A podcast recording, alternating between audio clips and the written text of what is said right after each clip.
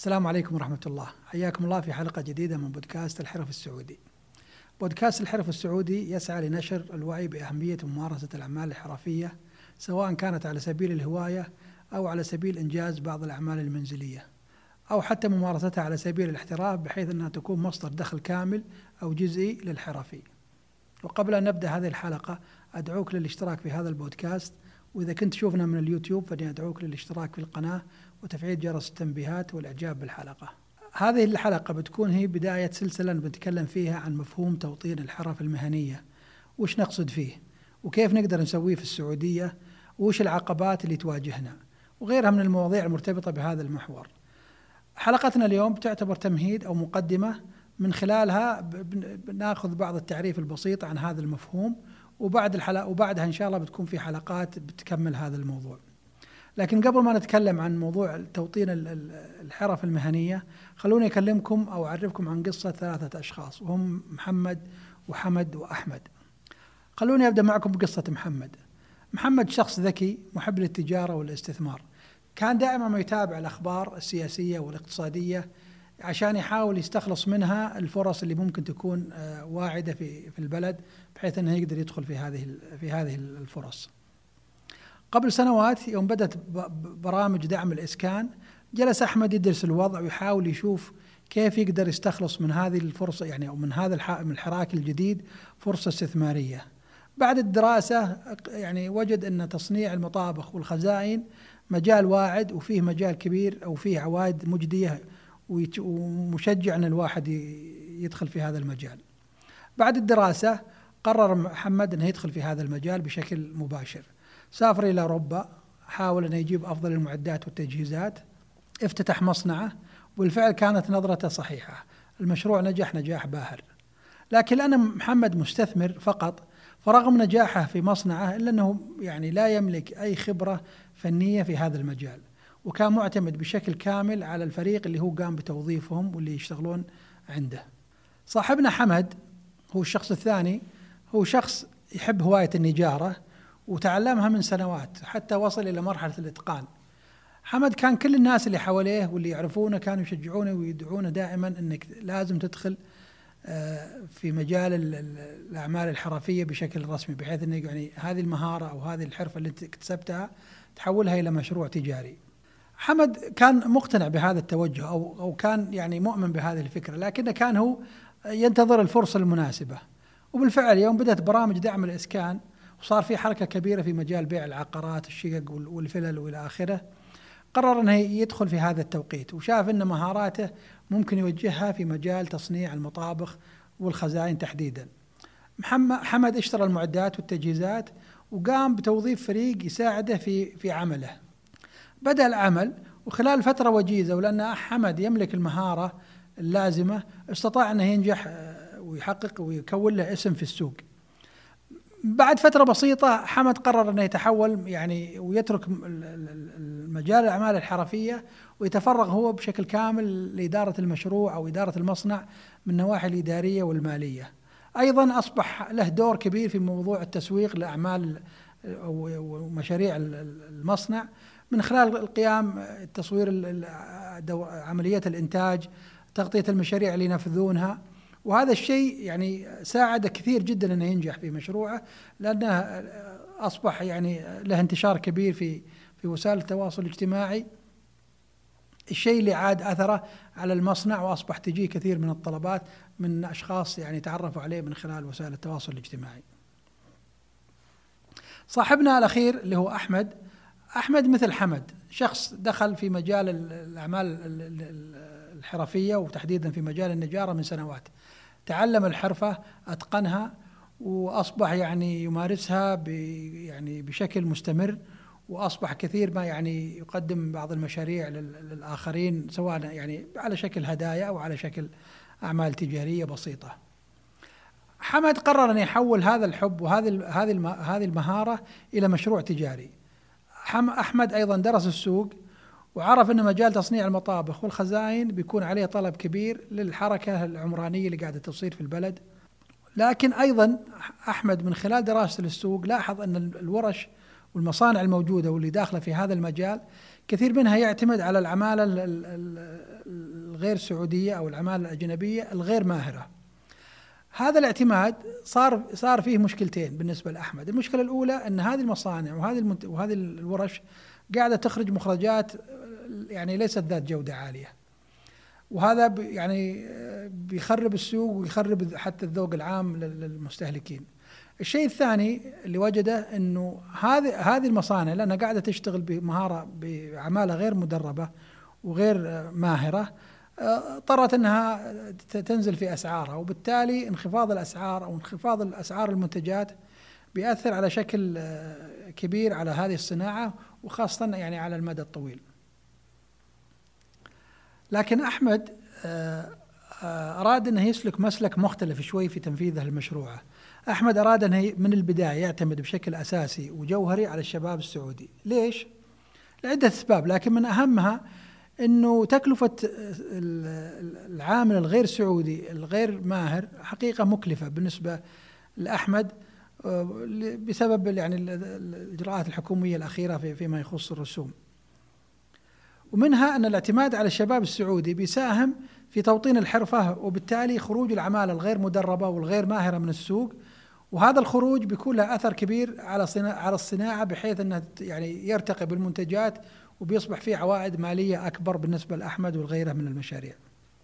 لذلك أحمد بدا مشروعه أول شيء سواه وظف شابين سعوديين بحيث أنهم يساعدونه في الأعمال الفنية، أيضا وظف فتاة بحيث أنها تقوم بعمل التصميم للعملاء، وفتاة أخرى لتغطية مجال التسويق في وسائل التواصل الاجتماعي.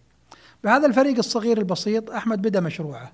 لكن سبحان الله يعني سرعان ما حقق أحمد النجاح والسمعة الطيبة بين العملاء لأنه الناس يعني يعني من خلال تعاملهم مع هذا الفريق صار الفريق يعني يعني من نفس البلد من نفس الثقافة من نفس على قولتهم من نفس الأذواق فصارت صار التفاعل والتواصل بين العميل وبين الفريق المنفذ والمصمم سهل وسريع والعميل بسرعة يعني يقدر يوصل الشيء اللي يبغاه لهذا الفريق.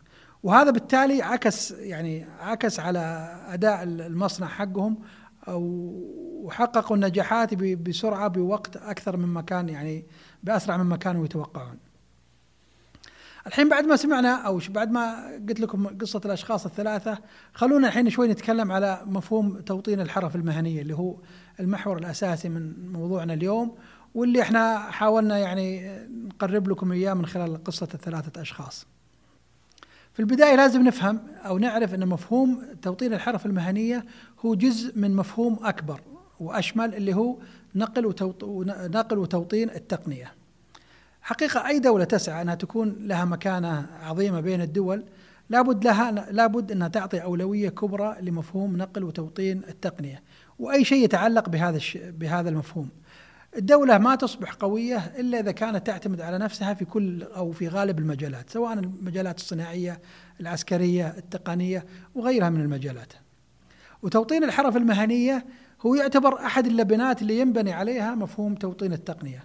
لأنها من خلال توطين أو الحرف وإيجاد حرفيين سعوديين بيكون, بيكون هذا الشيء يساعدنا أن نوصل للهدف الأكبر اللي هو توطين التقنية. لكن هنا لازم نتوقف ونقول لا يفهم من توطين الحرف المهنية أنه هو أحد وسائل إيجاد وظائف للسعوديين. هو لا شك أن توطين الحرف المهنية بيساعد على توظيف السعوديين لكن حقيقة التوطين ليس الهدف الأساسي منه هو إيجاد وظائف للسعوديين لكن الهدف الأساسي منه أكبر وأشمل من هذا الشيء. الهدف الأكبر من توطين المهن الحرفية هو جعل شبابنا يملؤون المصانع والورش وتمكينهم من شيء يسمونه باللغة الإنجليزية النو هاو أو هو معرفة كيف تعمل الآلات، التقنيات اللي موجودة في هذه الآلات يحاولون يفهمونها، يفهمون أسرارها ويقدرون يتعاملون معها. حتى مع الوقت يوصلون لمرحلة إنه يقدرون يعالجون مشاكلها ويعملون لها يعني أي صيانة يحتاجونها. المرحلة اللي بعدها بيكونون قادرين على إنهم يطورون هذه المعدات ويقدمون المقترحات اللي تساعدهم في إنجاز أعمالهم وفق ما يحتاجونه هم وفق السوق المحلي أو وفق احتياجاتهم في هذا في, في البلد نفسها. لو رجعنا لأصحابنا محمد وأحمد وأحمد بنلاحظ أن محمد وأحمد ما اهتموا بمسألة توطين الحرف المهنية ولا كانت موجودة في بالهم وهم يبدون خطوات تنفيذ المشروع لأنهم هم كانوا قاعدين ينظرون للموضوع هذا من ناحية تجارية واستثمارية بحتة طبعا لا يفهم من هذا الكلام أن نقول إن محمد وحمد بطريقتهم هذه أو بالشيء اللي سووه هم قاموا أو عملوا شيء مخالف. لا بالعكس إحنا ما نقول هذا الكلام بل هو مشروع ونظامي. طالما إنهم ملتزمين بالتعليمات الخاصة بالسعودة بالتعليمات الخاصة بالبلدية بغيرها من الجهات الحكومية فبالتالي على قولتنا ما لحد له ممسك عليهم أو مدخل عليهم.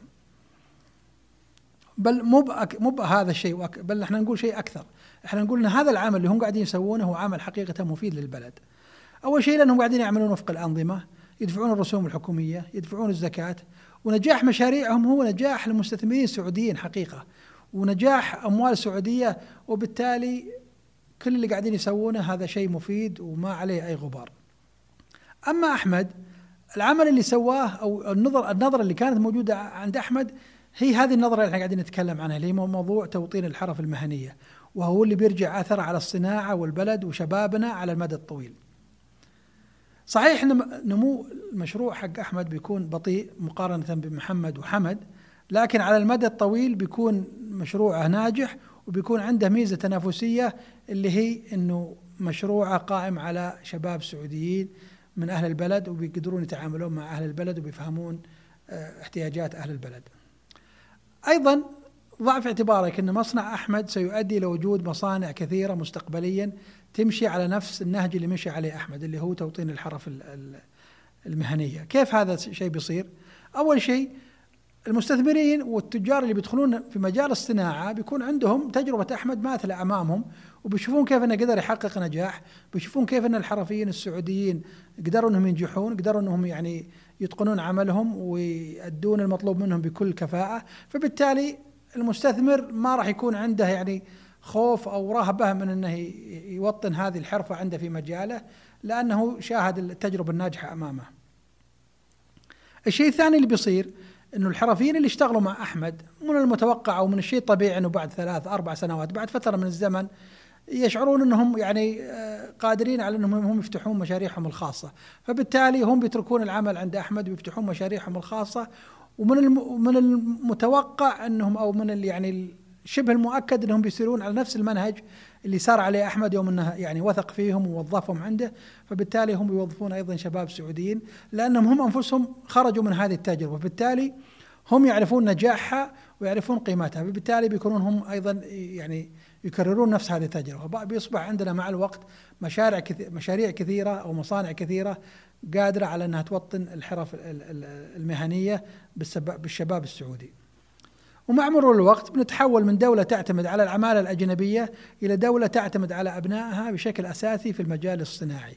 ومن دولة مستهلكة للتقنية إلى دولة منتجة للتقنية بإذن الله. لكن قبل ما نختم يعني إحنا بنوضح نقطة مهمة إنه هذا الكلام إحنا قاعدين نقوله ليس مستحيل، بل إن أنا أعرف شخصيا بعض المصانع اللي بدأت يعني تطبق هذا الشيء اللي هي اعتمادها على الشباب السعوديين في الأعمال الحرفية.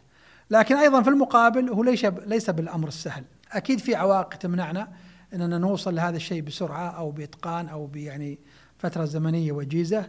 خلونا لو نظرنا للموضوع من الأعلى بنلاحظ إن هذا الموضوع اللي هو توطين الحرف المهنية فيه ثلاثة أضلاع أو ثلاثة عناصر. الحكومة وتشريعاتها المستثمرين والتجار والصناع والعمالة أو أو الحرفيين السعوديين. لو نجي نشوف الحكومة تجد إن الحكومة قاعدة تضع الأنظمة والتشريعات اللي تساعد هذا الأمر.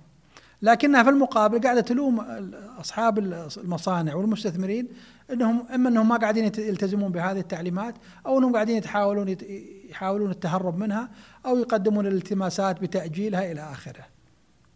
لو نجي نشوف الصناع وجهة نظرهم يقول لك إن الحكومة قاعدة تضع تشريعات يعني بتقلل من قدرتنا على المنافسة، تشريعات تجبرنا على عمل بعض الأمور اللي ما راح يعني نجد أثرها على أعمالنا التجارية وعلى استثماراتنا، أيضا بيزيد على ذلك إنهم أيضا يلومون الشباب السعودي أو الحرفيين السعوديين إنهم غير جادين، غير ملتزمين، لا يملكون المهارات اللازمة ولا يملكون المعرفة اللازمة. ولو نجي نشوف الحرفيين السعوديين نجدهم يلومون الحكومة إن الحكومة ما قاعدة تضع الأنظمة والتشريعات اللي توقف بجانبهم وتدعمهم وأيضا يلومون المصانع والمستثمرين إنهم ما قاعدين يوثقون فيهم ولا قاعدين يعطونهم الفرص اللي تخليهم يقدرون يعني يظهرون آه، مهاراتهم وإبداعاتهم. والحقيقة إحنا ما راح نقدر نخرج من هذه الدائرة إذا استمرينا بهذا الشكل، كل واحد أو كل ضلع يلوم الآخر. أول شيء لازم نسويه ان نتوقف عن لوم الآخرين. كل واحد من هذه الأضلاع لابد أن يتوقف عن لوم الآخرين ويبدأ يراجع الشيء اللي مطلوب منه. وإحنا هنا بصفتنا نتكلم عن الحرفيين يجب على الحرفيين إنهم يتأكدون أو يراجعون أنفسهم هل هم ملتزمين؟ هل عندهم الجدية؟ هل هم يملكون المهارة اللازمة؟ هل هم يحاولون التعلم وليس بالضرورة يكون التعلم يعني آه، آه، في جهات أخرى تدعمك وتعلمك التعلم الذاتي في كثير من الأحيان يعني يحل لك كثير من المشاكل ويعطيك كثير من الخبرات والمهارات. إذا قدرنا يعني نوصل لهذه المرحلة وكل واحد يؤدي الدور المطلوب منه ثم يبدأ يشوف الآخرين وش الأدوار اللي هم قاعدين يسوونها وين هذه الأدوار قاعدة يعني تتعارض مع أدواره هو وين هي قاعدة يعني تساعده في إنه يؤدي دوره بالطريقة هذه بنستطيع أن إن شاء الله إننا يعني نتطور ونتقدم في مجال التوطين الأعمال الحرفية في في في بلدنا. أنا زي ما قلت لكم هذه هي البداية إن شاء الله بنحاول نستضيف آه حرفيين وإحنا أصلا هذا هو الأساس من هذا البودكاست. فبالتالي بيكون بنحاول نشوف تجربتهم في هالمجال. هل هم يعني يواجهون مشكلة في مجال التوظيف آه، ثقة الآخرين فيهم. بنحاول نستضيف بعض أصحاب الورش وأصحاب المصانع وبنشوف وش وجهة نظرهم ليش هم قادرين يعني أو ما قاعدين يأدون دورهم في موضوع توطين الحرف المهنية وش العقبات اللي يشوفونها. أيضا بنحاول نستضيف بعض المسؤولين الحكوميين. وبنسمع منهم رأيهم وفيما يخص موضوع التشريعات وش الأدوار اللي هم قاعدين يسوونها بحيث إنهم يشجعون هذا الأمر إنه يتم بشكل سريع جدا. وقبل ما أختم ومثل ما قلت لكم في البداية أنا أشكركم للاستماع لهذا البودكاست وأدعوكم للاشتراك فيه ونشره لمن ترون يستفيد منه. وإذا كنتم قاعدين تشوفوني من اليوتيوب فإني أدعوكم للاشتراك في القناة وتفعيل جرس التنبيهات والإعجاب بالحلقة ونشرها ونراكم على خير وفي أمان الله.